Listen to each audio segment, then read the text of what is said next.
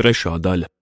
Mēs ejam šķērsām pāri laukam uz to pusi, kur redz margojam iesarkanas logu ugunis. Ir sācis pūst austrumvējš, nākdams no upes puses.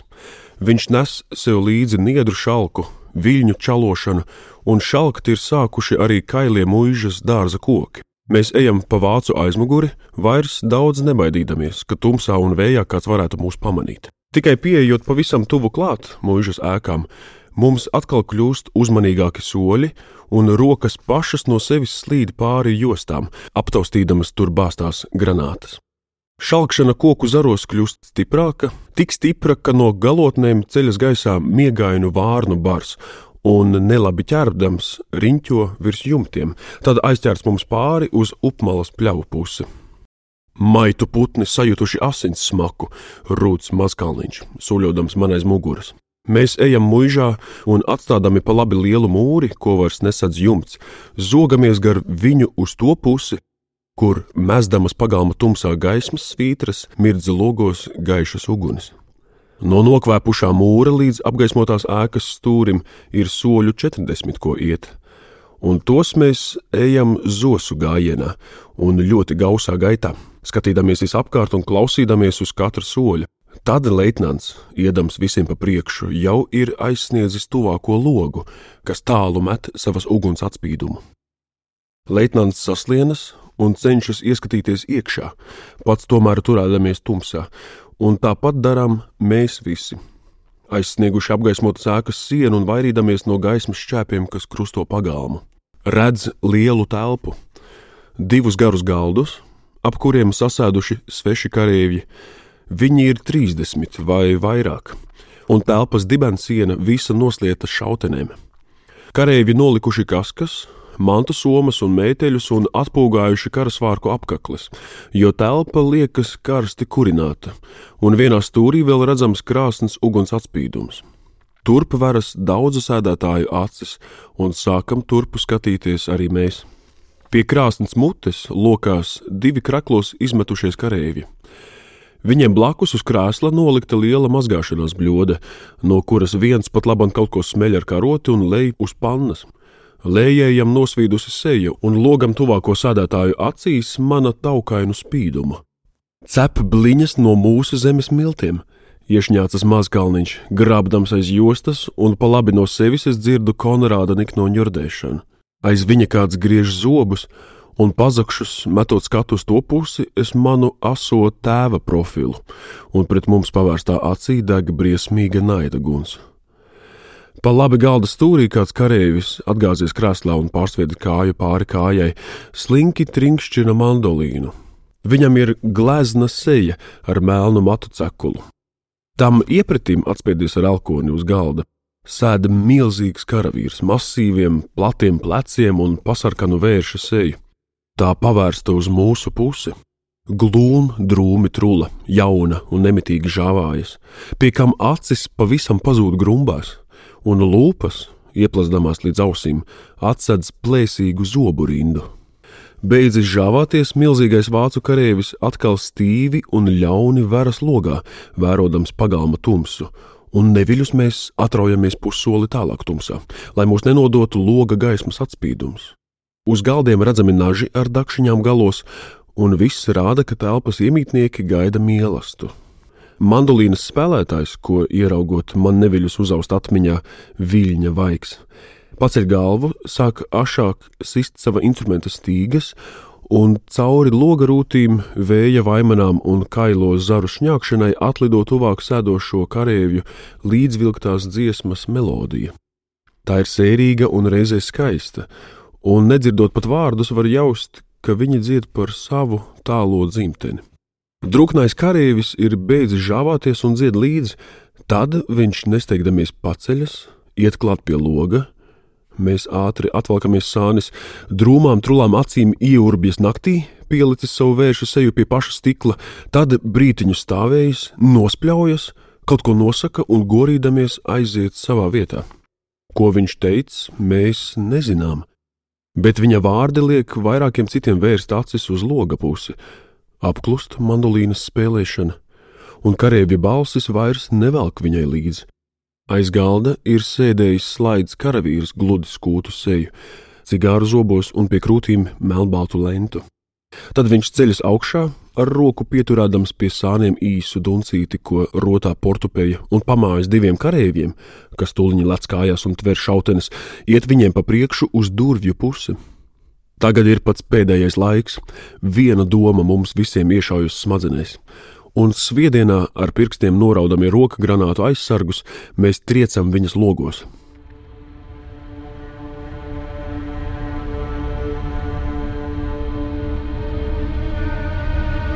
Šķinda plīstoši stikli, dzird uztrauktas balsis, krēslu gāšanos un skrejošu soļu klaudzēšanu, un tad iekšā sāk dobju dunēdamas sprāgt mūsu iesviestās granātas. Dziest sveces, skan lāsti un ķērcošas klaigas, bet mēs rindā un pieliekušies skrienam gar ēku logu rindu un laižam viņos granātu pēc granātas. Aiz ēkas, kurā dun sprādzieni, gaiss piepieši top gaišs un met pāri pagalmam dzeltenbaltu blāzmu, un skrējienā atskatīdamies atpakaļ, mēs manām logos, kuriem vairs nav stiklu, parādāmies šauteņu stobus, bālas naidi pilnas sejas, un tūliņš sāk svilpt mums pakaļ, locīties un zipsnīt šāvienu uguns. Pa kreisi miglas laukā, un pa labi aiz ēkas, kurā stāvējis sardzes vats, kāpja gaisā viena raķete pēc otras, kliedēdams tumsu un spocīgi baigs liekas miglotais klaišs, kas veras mūsu priekšā un kuram mums tagad jātiek pāri, kaut lodes spindzi no trijām debesu pusēm, un aiz muguras un sānos no mūžas puses jau skalojas ložmetēju ugunsšalts. Viņas plēš pušu miglas segu, ceļas augšup un slīd lejup, tausta, meklē un vēl nav atradušas mērķi, ko tām cenšas rādīt raķeti pēc raķetes. Mēs skrienam cik jaudas, lecam pāri grāvim, kas gadījies ceļā. Viņa ūdens baltzeltenā raķešu gaismā liekas draudošs, gluži melns. Klūpam augšā, ceļamies un skrienam tālāk. Smagi vašo krūtis, bet deniņos kāds trakā steigā sit mazu āmuru. Dubļi un ūdens jūg zem kājām, gar ausīm arvien biežāk svilpju lodes, un tuvāk, arvien tuvāk nāk no mūžas puses ložmetēja ložu šauts censdamās aizcirst atkāpšanās ceļu. Ložmetēju guns no muguras un sāniem, un tad mēs bez komandas nokrītam dubļos, pieplakdami pielījušajai zemē un censdamies iespiesties viņā ar sejām un ar krūtīm, jo turpat virs mūsu mugurām un galvām sakrustojušās jau ložmetēju ložu šaltas, un liekas, to ugunis svilina mums drēbes un cepures.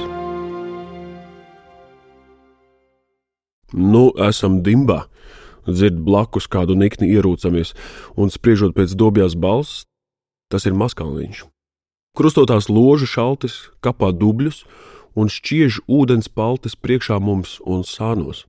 Tad viņas sāk šķirties, raisās vaļā viena no otras, atkal metas kopā, un mēs vēl ar vienu nevaram pacelt galvas, lai izsprauslotu no nāsīm dubļus, izslaucītu piešķiestās acis un apskatītos, cik tālu esam aizkļuvuši no mūžas ēkām, cik atlicis vēl skriet līdz savējiem, un vai no labās un kreisās puses nenāk ķēde, lai aizkrustotu ceļu. Sāk atkal šķirties ložmetēju ugunis, viena taisās noliekties pa kreisi, lai pārsteigātu miglas lauku, otra kāpjas atpakaļ uz upes pusi. Un tad kā nākdama no apakšzemes padobji un reizē klusi ieskanas mūsu leitnanta balss. Pa vienam skriešus uz priekšu.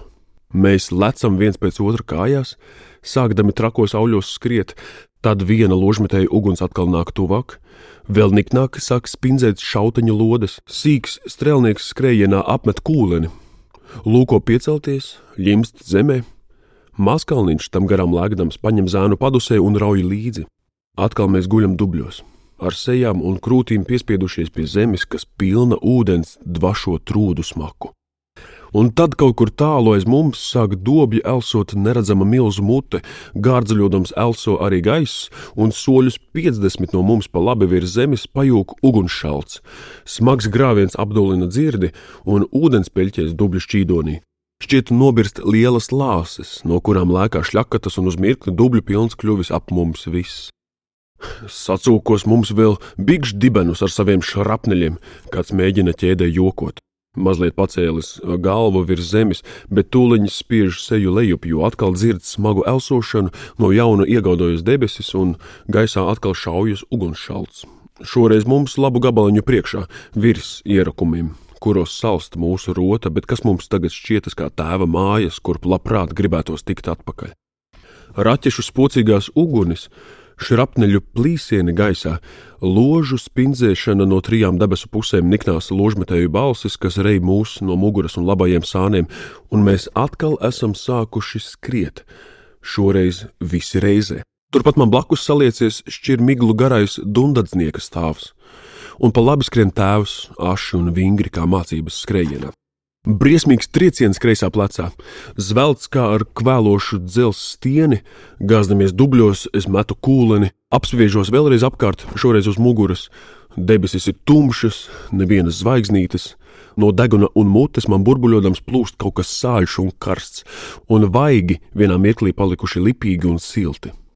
Kāds krīt pie manis ceļos, grūzdams caur zobiem krācošu skaņu, kas reizē ir dusmu rēciens un liels sāpju vaids, un pāri man noliecas sirma galva, kurai vairs nav cepures.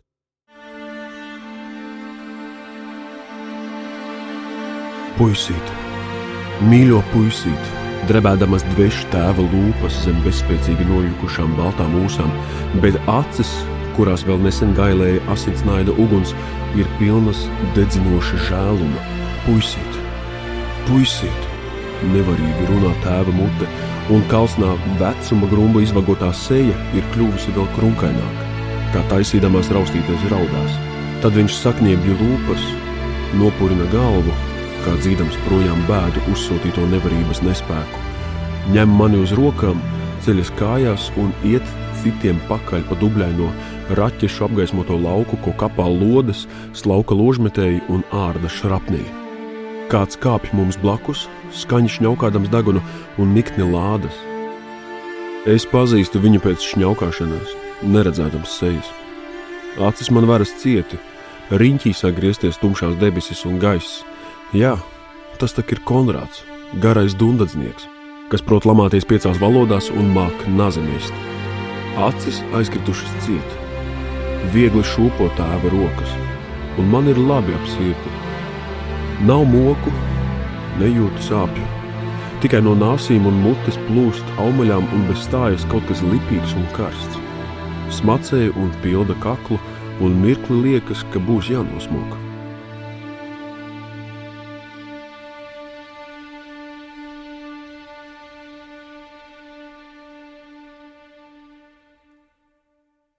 Galva noliecas lejup, šūpodamās līdzi tēva soļiem, un tad kaut kas karsts uzkritis man uz pieres, un pus neatmaņā manī mostas nojauta, ka tai vajag būt tēva raudātai asarai. Ar pūlēm atver acis, dubļi un tumsa, ko reizi pēc reizes šķeļ šrapneļu plīsienu un lūko kliedēt raķešu uguns. Gribu pacelt galvu, tā kļuvusi smaga kā svins, un bezspēcīgi pieslienas tēva krūtīm. Gribu teikt tēvam, ka man ir bezgala labi viņa rokās, bet vārdu vietā man pār lūpām plūst asinis un izlaužas vājš vaids. Ap mums vairs nav tumsas, nedz šrapneļu kaukšanas, siltas un saulainas dvašo platones pļavas, kuras mēs ejam ar tēvu apraudzīt.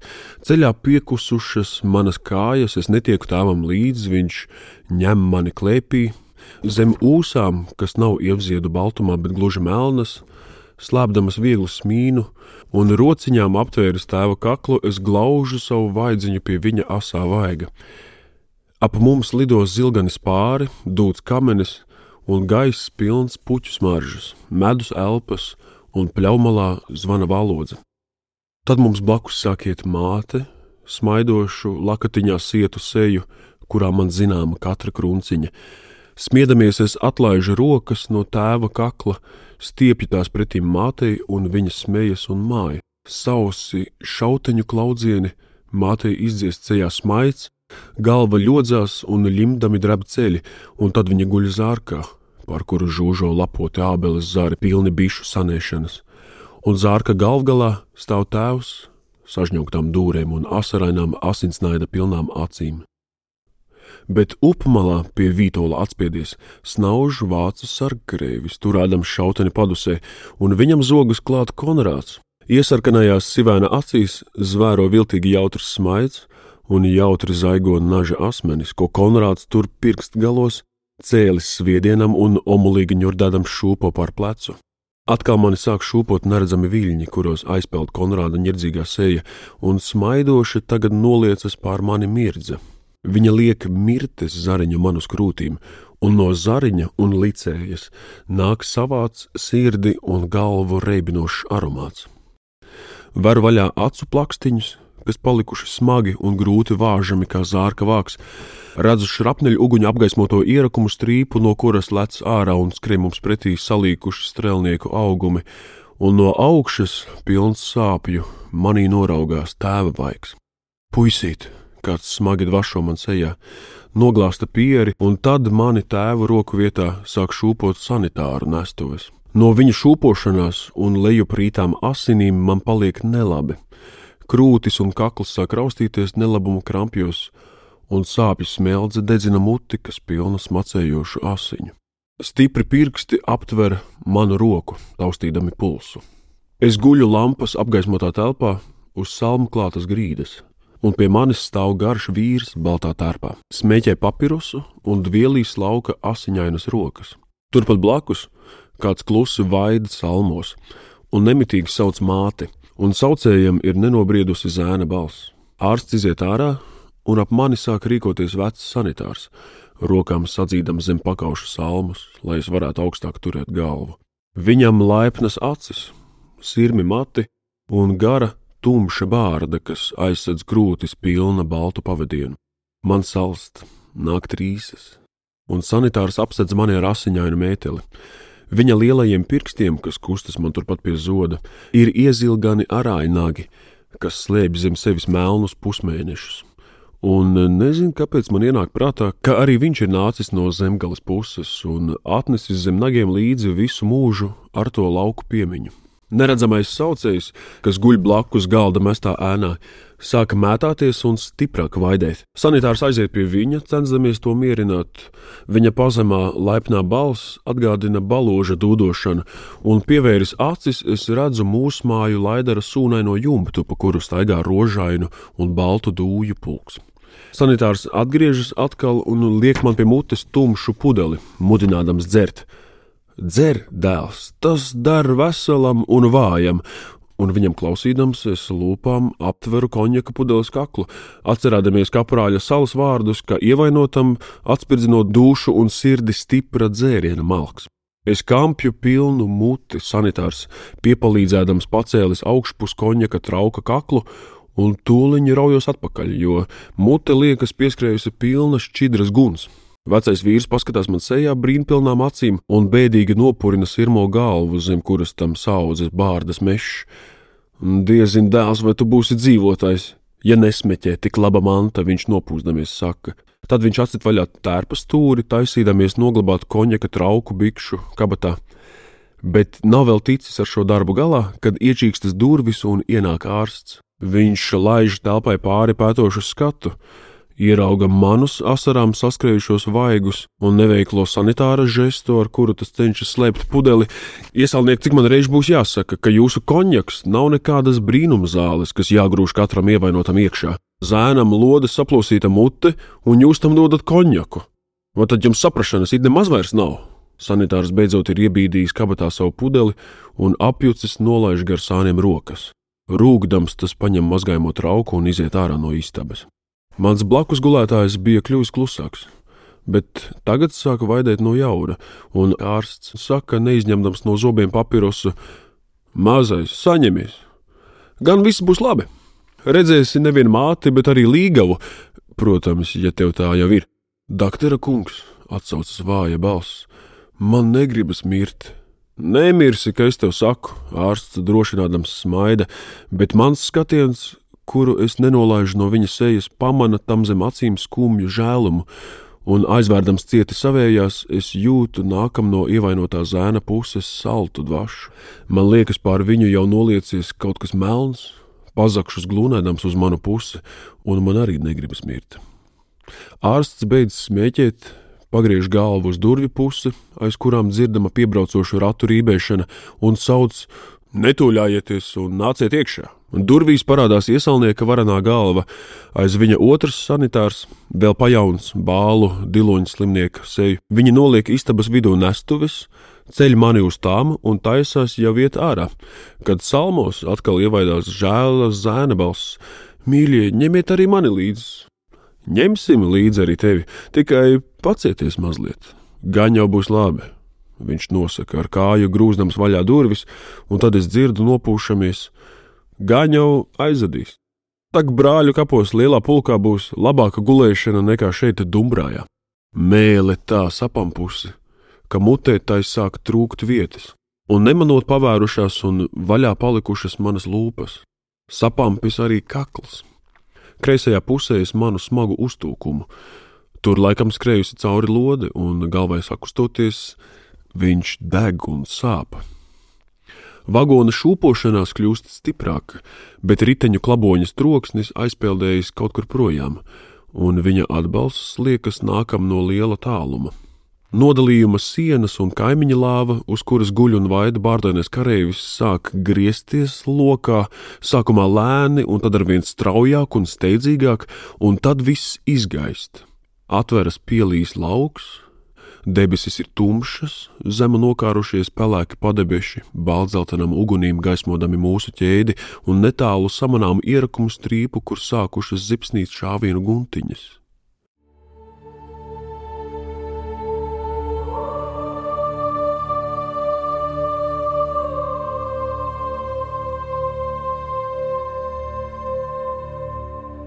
Pazūd kaujas lauks, tumsā aizpeldēdams līdz ar kara klaigām un šauteņu klaudzēšanu, un maigas puskrāslas pilna veras telpa, uz kuras sienām aug sarkanas un baltas rozes.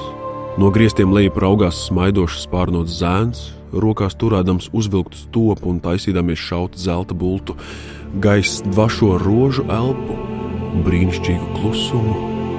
Es nejūtu vairs sāpju, krūtīs iesities un stājies, viļņot lielais laimes vilnis. Man blakus uz spilvena guļ glezna meitenes seja, un no visām pusēm to apņēmis izirušu matu mežs.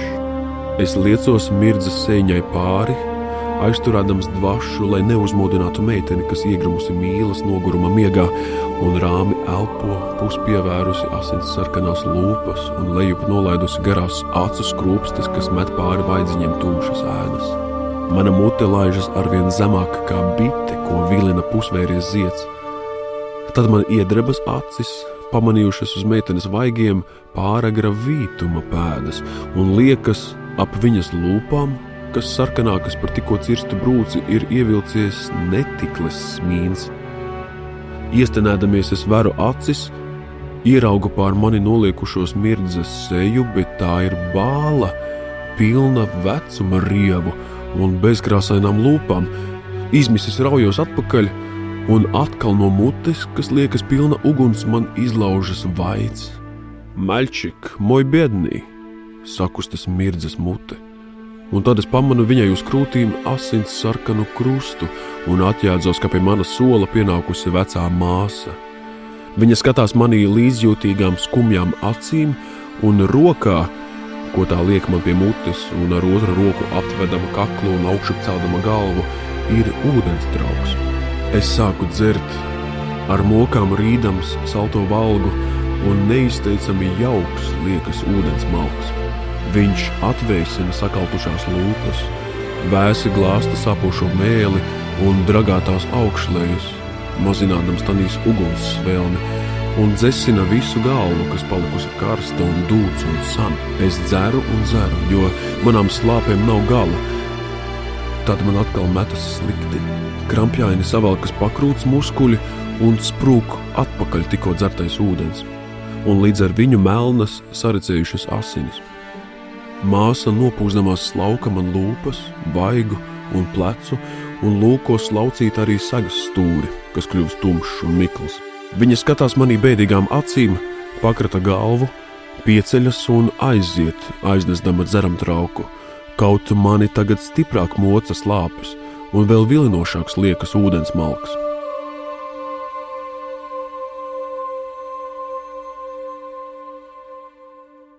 Atkal atgriežas lielais nespēks, sāk šūpot neredzami viļņi, smagi no jauna palikuši acu plakstiņi.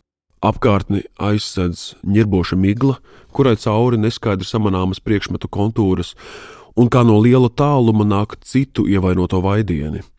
Gausāka kļūst vagoņu riteņu klaudzēšana, stājas un stājas, un tad pēc spēja rāviena, kas gandrīz nosviež mani no sola, viss paliek kluss. Tiešām, vilciens ir beidzis braukt, un tā tad mēs esam Rīgā. Vagona koridorā kļūst sadzirdamas svaigas balsis, nāk iekšā sanitāri, svešas māsas un tiem līdzi spirkta gaisa šalts. Mani saņem un gulda nestuvēs stipras, saudzīgas rokas, un turpat pie vaiga ieminas mundra balss: Šitas ir mūsējais! Nesīsim tik projām, lai vaņkas nepievāc! Es veru vaļā acis, redzu ūsainu un bālu seju, dzirkstošus radzokļus, kurus skatiens mundrina un glāsta, un sakustoties tumšajām ūsām, jautā tā pati balss: Kā zēns tad tu esi? Franča vai Kalniņa? Es pakustinu divas reizes galvu, un sanitārs paliek vēl mundrāks, redzēdams, ka ar mani var saprasties. Kur zemnieks, kā tad? Tā jau domāju. Viņa diena jums gājas karsti, un laikam arī šī nav bijusi gluži vēsa nakts. Labi gan, ka mēs ar priednieku te ienācām. Sanitārs māja uz sava biedra pusi, kam bez ūsaina seja un pelēkas skumjas acis. Tagad tu tiksi pie savējiem un varēsi justies tikpat kā rotā, ar kurzemniekiem mūsu lazaretē pilna vesela istaba. Atkal iešūpojos nestuves, bet nesējiem šoreiz nemanāmi viegla gaita, un spirdzinoši vēss ir Rīgas rīta gaiss, kad sanitāri pa peronu un cauri ļaužu drūzmai dodas uz izejas pusi. Tad mēs sākam braukt, bet runīgais sanitārs, sēdēdams man blakus, runā un stāsta par savu lazareti un viņas vecāko ārstu, kam operācijās esot varen laimīga roka. Tam tik ir nakts, viņš saka, braucīdams tumšās ūsas un skatīdamies manī jautrām acīm. E, viens, divi un gatavs. Cilvēks tā remontēts, ka labāk nemaz nevar. Brauc kaut štuliņ pie brūtes. Izskanēja romāna Dvēseļu putenis, trešā daļa. Fragmentus atlasīja Dzintars Dreibergs, mūzikas autore Lolita Ritmanis, skaņu režisors Ivo Tauriņš, producente Māra Eglīte, lasīja Raimons Celms. Latvijas radioteātris 2019.